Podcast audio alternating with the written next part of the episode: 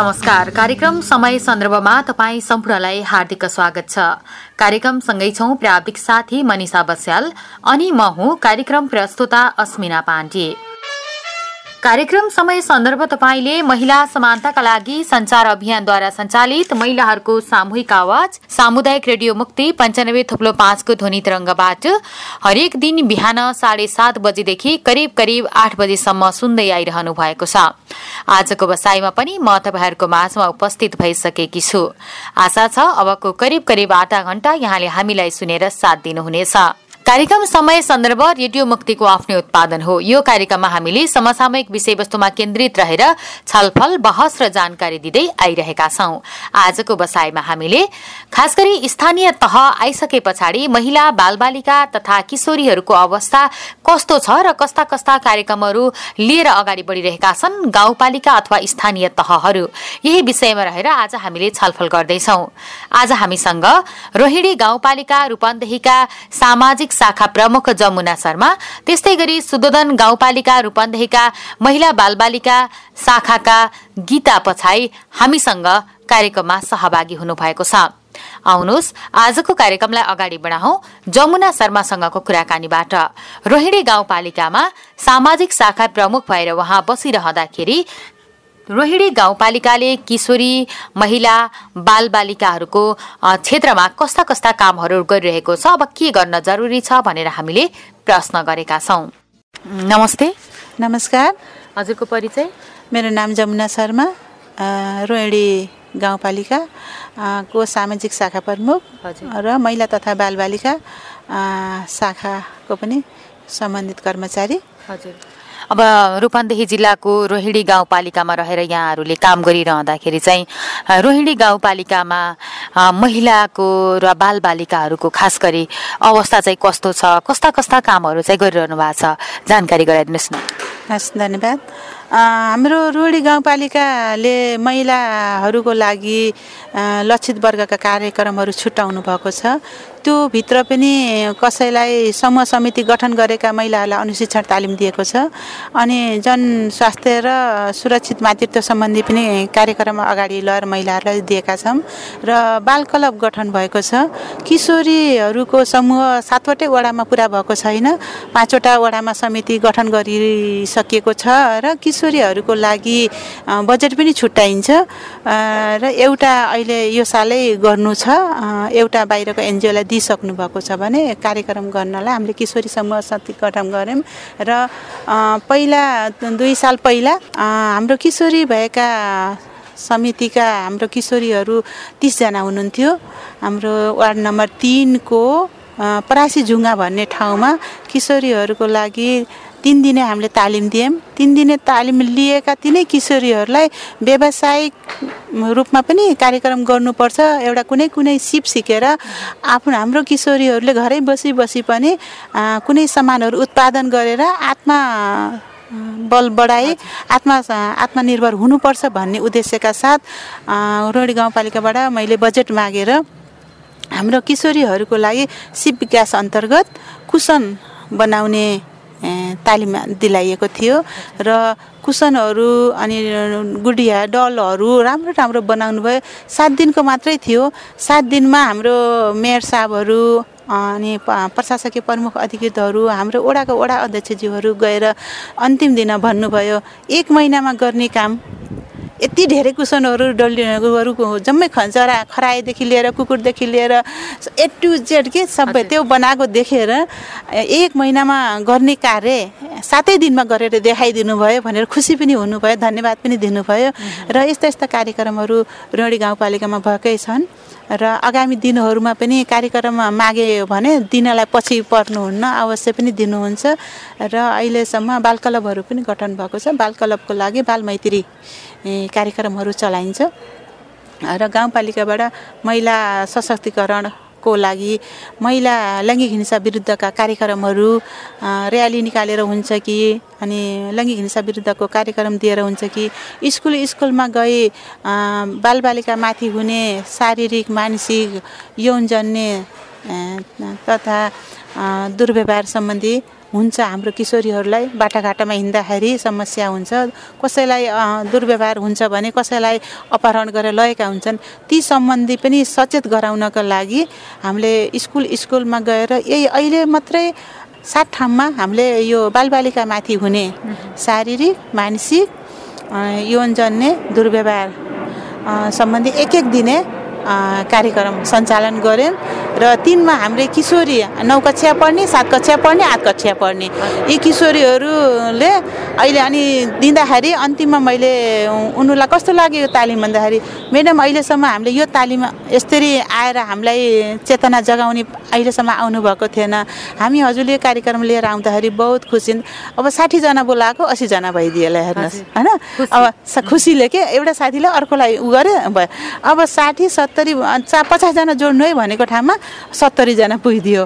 के गर्ने? ती सबै किशोरी हुन् होइन? अनि जसरी तसरी बजेटले जम्मा पचास हजार बजेटमा हेर्नु। अनि तिनीहरूलाई खाजा अनि नास्ता स्टेसनरी हल्का गरेर हामीले कार्यक्रम गरेका छौँ। रोडी गाउँपालिकाले सकेसम्म कसरी जनचेतना अगाडि बढाऊँ कसरी महिला किशोरी बालबालिकाहरूलाई उनलाई आत्मनिर्भर गराउँ भन्ने एकदमै पक्षमा महत्त्वपूर्ण भूमिका खेलेको छ। हजुर। अब यहाँले भनिसक्नु भएको छ धेरै कुराहरू आइसकेको छ तर पनि शुद्धोधर गाउँपालिकामा चाहिँ अब कतिवटा ओडाहरू रहेका छन् र तिनी ओडाहरूमा पनि कस्तो खालको रोहिणी। रोहिणी। गाउँपालिकामा चाहिँ कति ओडाहरू छन् र रोहिणी गाउँपालिकाका कुन कुन ओडाहरू अलि पछाडि परेका छन्? कुन ओडामा कस्ता खालका कार्यक्रमहरूलाई प्राथमिकता दिनु परेको छ होइन? त्यो नागरिकहरूको सोच त्यहाँको अशिक्षा अथवा शिक्षाको लेभल त्यो खालको समुदायलाई माथि ल्याउनु पर्ने पो छ कि होइन? त्यो विषयमा पनि अलिकति बताइदिनुहोस्। हाम्रो गापाका एकदेखि सातवटा ओडाहरूमध्ये अलिकति सचेत भएका ओडाहरू वार्ड नम्बर तिन चार र सात छ भने त्यतिवटा छन् भने अलिकति ओझेलमा परेका अलि जनसङ्ख्याको हिसाबले पनि धेरै र हाम्रो खुलेआम बाहिर हिँड्न नदिने अलिकति पछाडि परिएका ओडाहरू वार्ड नम्बर बाँकी ओडाहरू वार्ड नम्बर एक एक नम्बरमा पछाडि परिएको र अनि अर्को वार्ड नम्बर पाँच छ चार। हजुर। तिनी वडाहरूमा चाहिँ कस्तो खालको कार्यक्रमहरू लैजानु पर्ला? कस्ता कस्ता कार्यक्रम लैजानु भएको छ? र त्यो समुदायका नागरिकहरूले स्थानीय तहप्रतिको अपनत्व कतिको गरेको पाउनु भएको छ नि? तपाईँहरू आफूहरू जाँदा अथवा त्यो समुदायमा पुगेर त्यहाँको आवश्यकताका विषयमा टोल विकास समितिहरू गठन गर्नुभएको छ होला होइन? उहाँहरूसँग बस्दाखेरि पनि के आवश्यक रहेछ? कतिसम्म पुग्न सक्नुभयो? अब सबै वडामा पुग्दाखेरि सबै वडाबाट एकदमै राम्रो व्यवहारिकपन पाइएको छ। वडा अध्यक्षज्यूहरू पनि राम्रो राम्रै हुनुहुन्छ। त्यही पनि राम्रो काम गर्नु पनि भएको छ। उहाँलाई धन्यवाद पनि दिनुपर्छ। तर त्यति हुँदा हुँदै पनि अलिकति हाम्रो गहिरिएर हाम्रो महिला वर्गलाई अलिकति सोच चाहिँ अलिकति कमी भएको हो कि जस्तो मलाई लाग्छ। जुन सोच उहाँहरूको छ महिलाहरूलाई अग्रसर गराए मात्रै देश विकास हुनु नै महिलाबाट हो। अनि एउटा महिलाले एउटा घरमा एउटा महिला पढेको शिक्षित नारी छ भने उसको घर परिवार शिक्षित हुन्छ। र अलिकति महिलालाई अग्रसर गराएर कुनै पनि कार्यक्रममा सहभागी गराउनुभन्दा अलिकति धेरै पुरुषै सहभागी भइएको देखिन्छ। र अरू मेन भन्दा नि हाम्रो बालबालिका र किशोर किशोरी हरूको लागि कार्यक्रम छुट्याइदिएर बजेट छुट्याइदिएर अलिकति भए पनि एउटै टोलमा कतिजना पच्चिस तिसजना पचासजनासम्म किशोरी हुन्छन्। ती किशोरीहरूलाई मात्रै हामीले अलिकति जनचेतनामूलक कार्यक्रम टोल टोलमा गएर दिन पायौँ भने वार्डबाट कम्तीमा पनि एउटा दुईवटा कार्यक्रम छुट्याइदिनु भयो भने एक एक वर्ष अर्को वर्ष फेरि छुट्याउँला पालै पालो गरेर त्यति छुट्याइदिनु भयो भने अवश्य पनि हामी मार्फत गएर तिमीलाई जनचेतना दिँदाखेरि अहिले जति पनि बलात्कारी हुन्छन् हिंसाजन्य कार्यक्रमहरू भएको छ छन्। अनि जुन दलालहरूले ललाइ फकाइ गरेर विदेशमा लगेर बेच्ने काम गरेका छन् त्योबाट हाम्रो यो सचेतना कार्यक्रम चलाउन पाएदेखि अझै सचेत हुन्थ्यो कि हाम्रा किशोर किशोरीहरू नै सचेत हुनु नै हाम्रो गाउँ बच्नु हो गाउँ बच्यो भने एउटा वडा बचाउनु हो वडा बचेपछि गाउँपालिका बच्नु हो। राम्रो रेकर्ड त्यसरी आउँछ।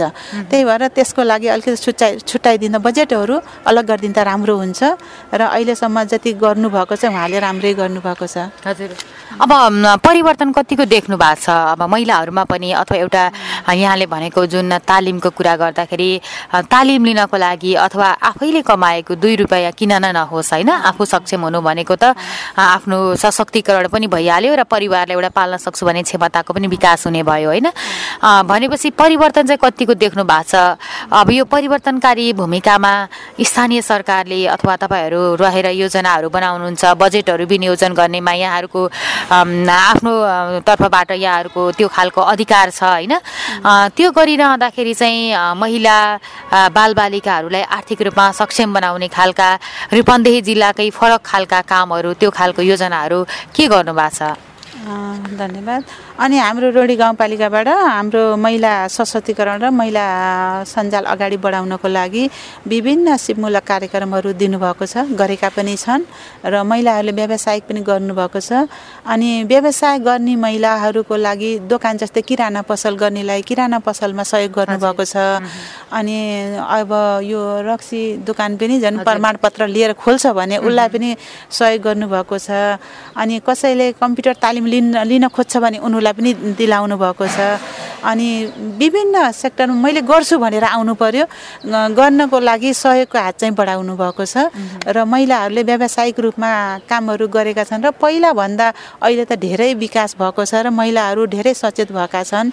महिला र बालबालिका र किशोरीहरू पनि त्यत्तिकै भएछन्। आफ्नो कार्यक्रम हामीलाई यो चाहियो है भनेर गाउँपालिकासम्म माग्न पुग्नुहुन्छ। त्यो पनि एउटा परिवर्तन म सशक्त किशोरीहरूको सशक्तिकरण भएर नै त्यहाँसम्म पुग्नुभयो। नभए योभन्दा अगाडि पुग्थेनन्। कहाँ जाने के गर्ने अन्यल त हुन्थ्यो भने अहिले सम्बन्धित फाँटोहरू पनि छन्। महिला तथा बालबालिका शाखाबाट किशोरी समूह गठन गर्नुपर्छ। किशोरीको हक हित अधिकारको लागि पैरवी गर्नुपर्छ। हजुरहरू जुट्नुहोस् समूह समिति बनाउनुहोस् अनि समिति समिति बनाइसकेपछि समितिबाट छनौट गरेर एउटा गापा स्तरीय एउटा सञ्जाल गठन गरेपछि बल्ल हामी विधानभित्र गएर एउटा अ, संस्थै दर्ता गर्नुपर्छ किशोरी संस्था दर्ता गर्नुपर्छ। सक अनि किशोरी संस्था दर्ता भइसकेपछि बल्ल हाम्रो आफ्नै संस्था मार्फत कार्यक्रम मागेर हामी आफै सक्षम भएर आफै सञ्चालन गर्न कार्यक्रमहरू आफै सञ्चालन गर्ने भइदियो भने अझ राम्रो हुन्छ भनेर हामीले त्यहाँसम्म गरेको छौँ र आ आउनुहोस् भनेको छ। आएका पनि छन् गठित पनि भएका छन्। अब गापा स्तरीय सञ्जाल गठन भएको छ। भएपछि किशोरीहरूले आफैले कार्यक्रम मागेर आफै सञ्चालन गर्न सक्नुहुन्छ।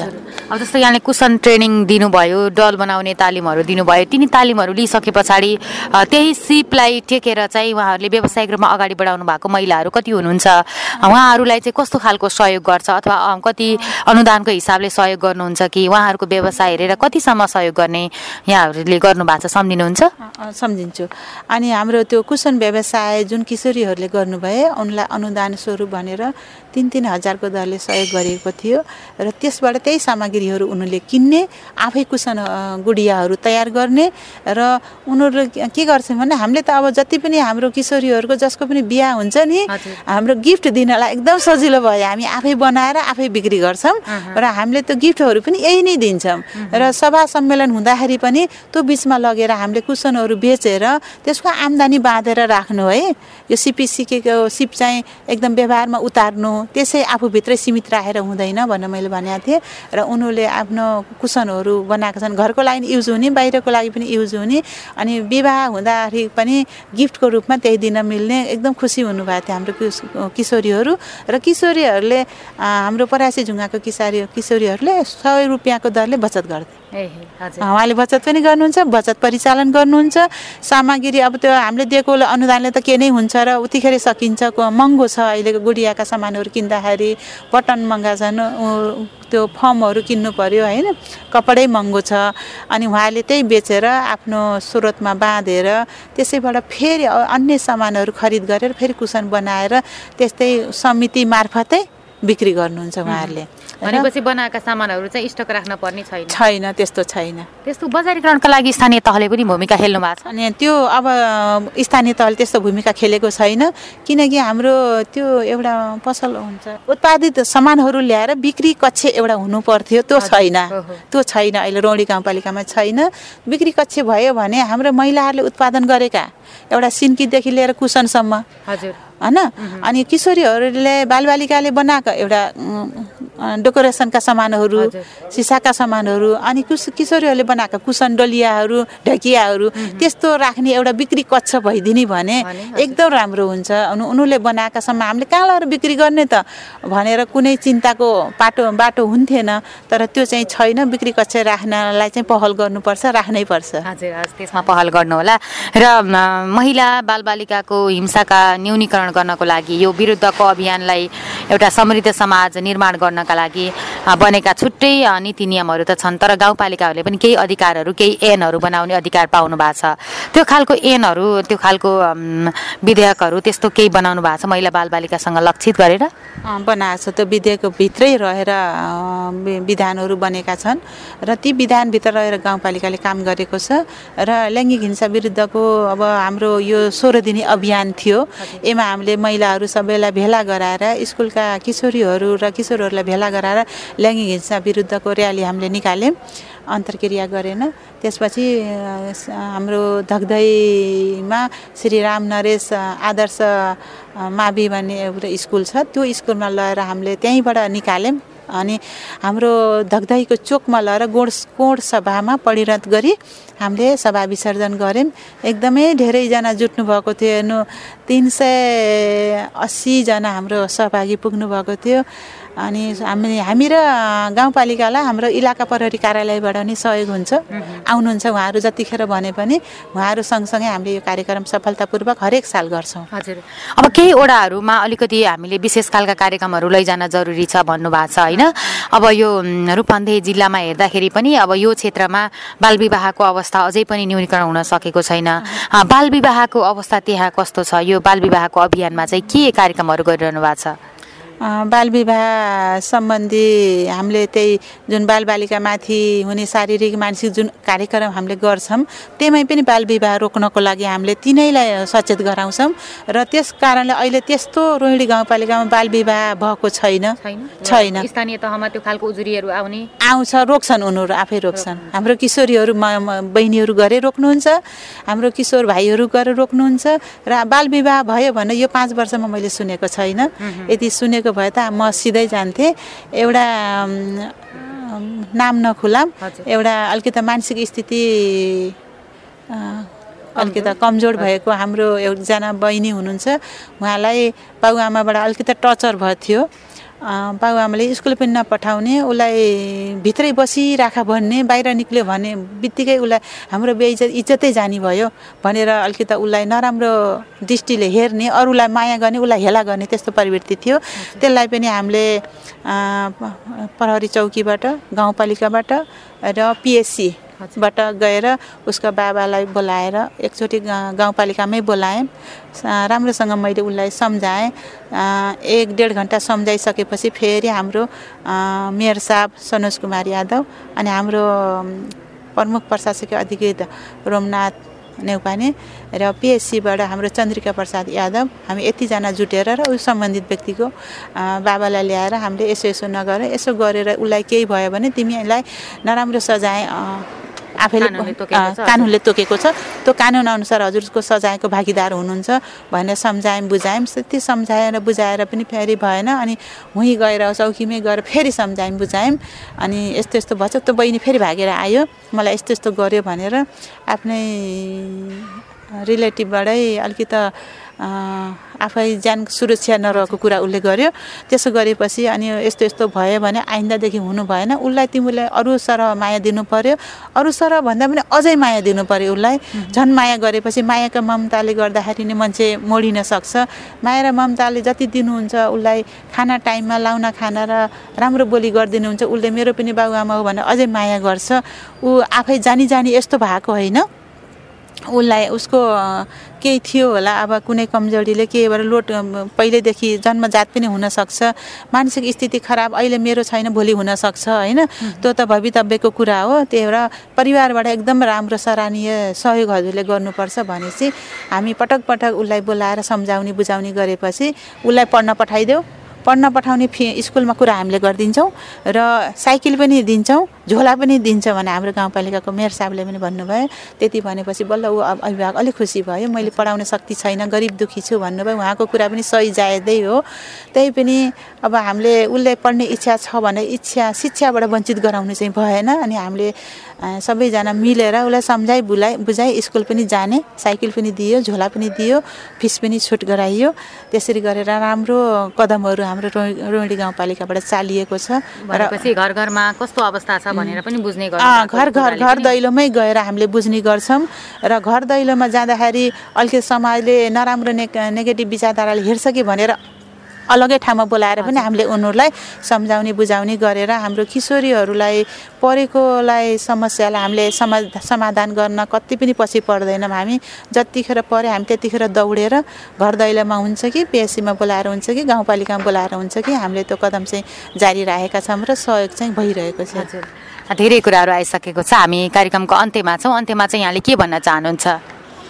हाम्रा अन्त्यमा हाम्रो रोहिणी गाउँपालिकाबाट हाम्रो यो किशोर किशोरीहरूको लागि र लक्षित वर्गका महिलाहरूको लागि अलिकति अझै गर्नुभएको छ नगरेको होइन। पनि अझै पनि तिनीहरूलाई हेर्ने नजरमा राम्रो हुनु पर्यो र लैङ्गिक हिंसा भनेर हुनु भएन। होइन हेराइमै हुन्छ राम्रो हेराइमै हुन्छ नराम्रो। हेर्ने नजर चाहिँ राम्रो गरिदिँदा राम्रो हुन्छ। सबैलाई समान रूपले हेरिदिनु पर्यो। कार्यक्रम भन्ने बित्तिकै सानोतिनो कार्यक्रम भनिदिनु भएन। सानो कार्यक्रमले नै ठुलो उपलब्धि प्राप्त गर्न सकिन्छ। यति नै भन्न चाहन्छु। समय र संवादका लागि यहाँलाई धन्यवाद छ थ्याङ्क यू समय बदलिएको छ समय फेरिएको छ। तर हिजोभन्दा आज केही विकासका कुरा केही सचेतनाका कुरा र केही आर्थिक सशक्तिकरणका कुराहरू त भइ नै रहेका छन् तर यो पर्याप्त हुँदै होइन। अब यिनी कार्यक्रमहरूलाई प्रभावकारी बनाउँदै उपलब्धिमूलक बनाउनका लागि तपाईँ हामी सबैको सहकार्य उत्तिकै आवश्यक छ।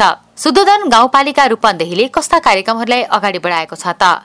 हामीले सोही गाउँपालिकाका महिला बालबालिका तथा ज्येष्ठ नागरिक शाखाका गीता पछाईसँग पनि प्रश्न गरेका छौँ। आउनु सुनौ गीता पछाई के भन्नुहुन्छ त? नमस्ते। नमस्ते। हजुरको परिचय? म गीता पछाई पालिका शुद्धोदन गाउँपालिकाबाट। कुन शाखामा? म महिला तथा बालबालिका शाखा हेर्छु। हजुर। अब शुद्धोधन गाउँपालिकाबाट यहाँहरूले सेवाहरू दिइरहँदाखेरि त्यहाँ रहेर कामहरू गरिरहँदाखेरि चाहिँ शुद्धोधन गाउँपालिकामा महिलाहरूको किशोरीहरूको अवस्था चाहिँ अहिले कस्तो छ कस्तो पाउनुहुन्छ र के के कार्यक्रमहरू गर्नुभएको छ? यो महिलाहरूको अवस्थाभन्दा अब धेरै अगाडिभन्दा अहिले अलिकति विकसित त छ होइन? तर पुरै अझै हामीले उ गराउन चाहिँ सकिया छैन। कार्यक्रमहरू त महिलाको लागि त्यही सिपमूलक तालिम चेतनामूलक तालिमहरू अनि जनचेतनामूलक नेतृत्व विकास सम्बन्धी कार्यक्रमहरू भइरहेको छ। किशोरीहरूलाई चाहिँ किशोरी समूह गठन गरेर किशोरीहरूका लागि जीवनोपयोगी सिप तालिम दिएर दस दिनको तालिम हुन्थ्यो। अब पहिला चाहिँ जिल्लामा दस दिनको हुन्थ्यो भने अहिले पालिका स्तरीय सात दिनको पाँच दिनको गराइया छ। किनभने बजेट एकदम न्यून हुन्छ पालिका स्तरीयमा। त्यसपछि उहाँहरूलाई जीवनोपयोगी सिप तालिम दिइसकेपछि उनीहरूलाई सिपमूलक तालिम दिएर उनीहरूलाई स्वरोजगार र स्वस्फूर्त रूपमा व्यवसाय सञ्चालन गर्नको लागि हामीले व्यावसायिक सिप विकास तालिम पनि दिएका छौँ।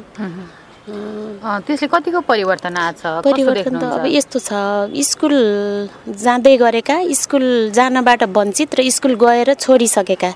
यो तिन तहका किशोरीहरूलाई समेटेर हामीले गरिराखेका थियौँ।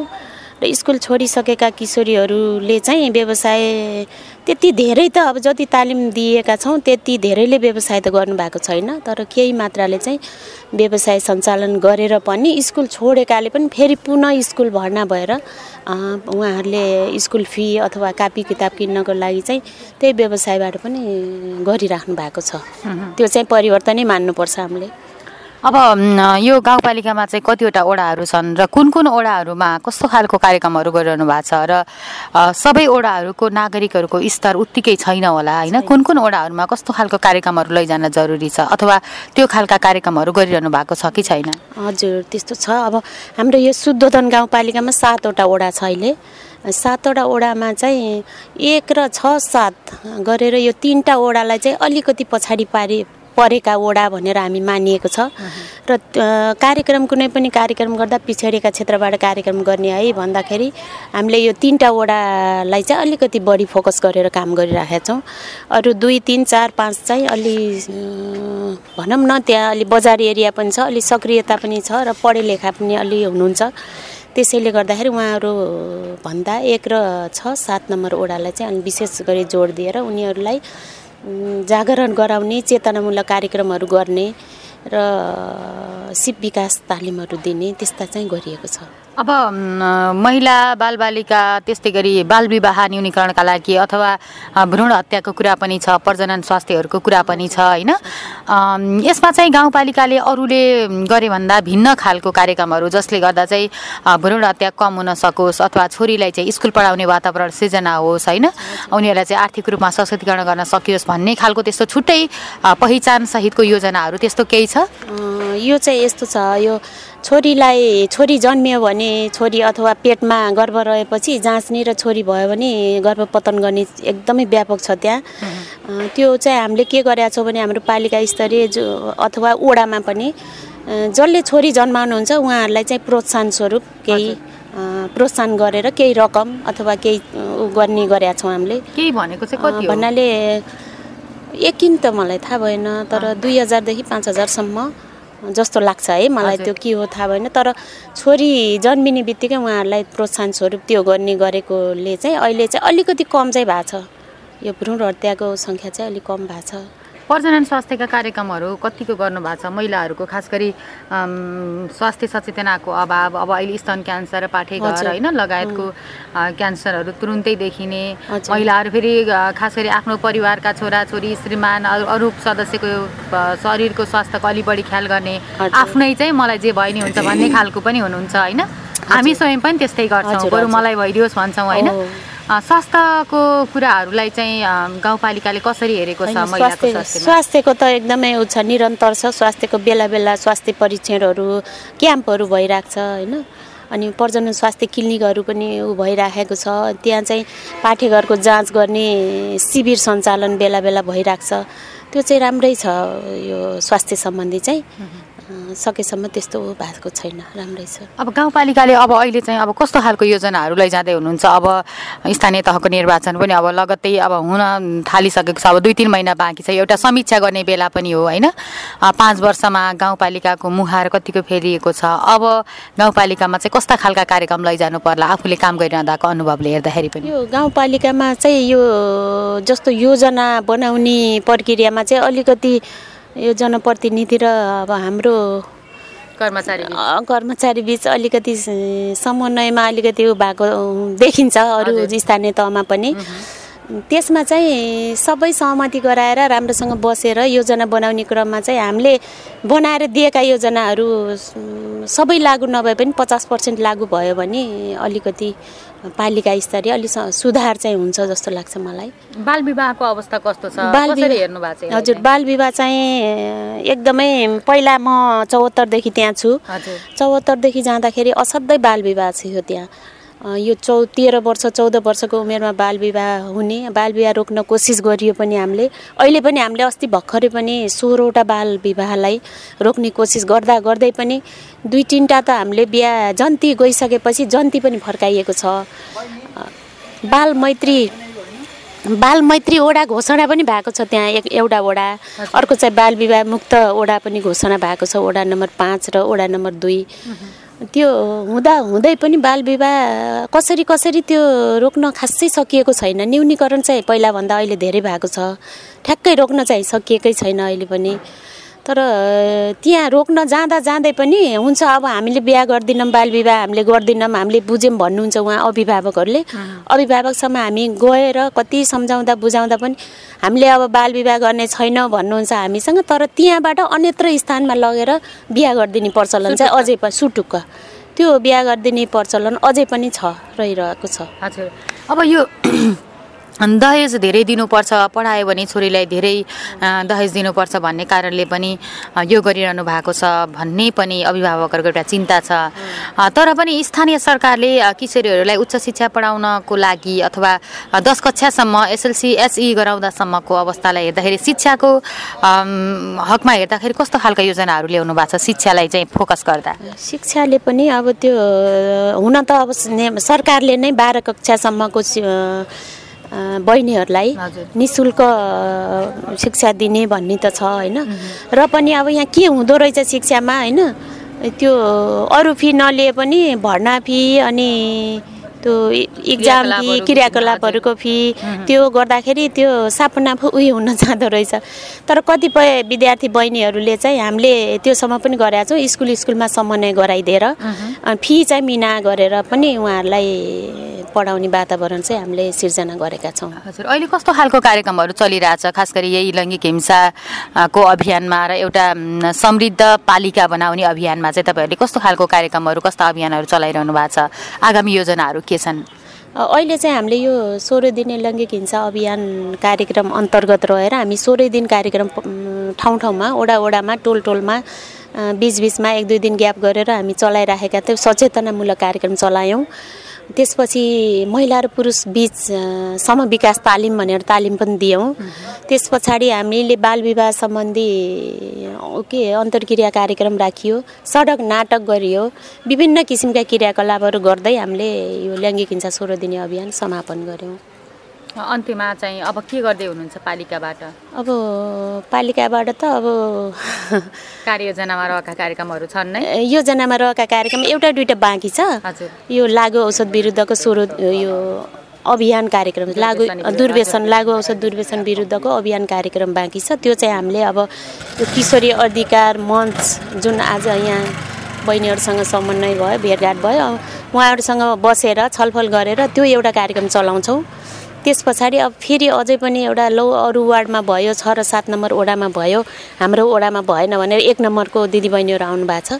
त्यहाँ चाहिँ हामी अब लगत्तै समविकास तालिम चलाउँदैछौँ। समय र संवादका लागि यहाँलाई धेरै धेरै धन्यवाद। हजुर धन्यवाद। रूपन्देही जिल्लामा सोह्रवटा स्थानीय तहहरू छन्।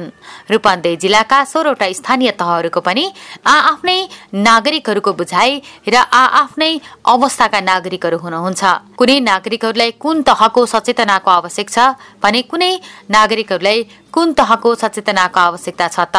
यो नगरपालिका र गाउँपालिकाहरूले आ आफ्नै ढङ्गबाट ओडाहरूलाई विभाजन गरेर त्यो खालका कार्यक्रमहरू योजनाहरू अगाडि सारिरहनु भएको छ। यो सराहनीय कुरा हो। तर यिनै कार्यक्रमहरूलाई निरन्तरता दिँदै गरेका कार्यक्रमहरू कतिको उपलब्धिमूलक बने त भन्ने विषयमा भने अनुगमन चासो हुन जरुरी छ। योतर्फ नागरिकहरू स्वयं पनि सचेत हुन आवश्यक छ। अवस्था यिनै कुराकानी सँगसँगै आजका लागि कार्यक्रम समय सन्दर्भलाई छुट्याइएको समय अवधि सकिएको छ। कार्यक्रम सुनेर साथ दिनु भएकोमा तपाईँ सम्पूर्णलाई धेरै धेरै धन्यवाद। कार्यक्रमबाट प्राविधिक साथी मनिषा बस्याललाई पनि धन्यवाद दिँदै म कार्यक्रम प्रस्तुता अस्मिना पाण्डे पनि विदा हुन्छु। तपाईँ रेडियो मुक्ति सुन्दै रहनुहोला। नमस्ते शुभ दिन।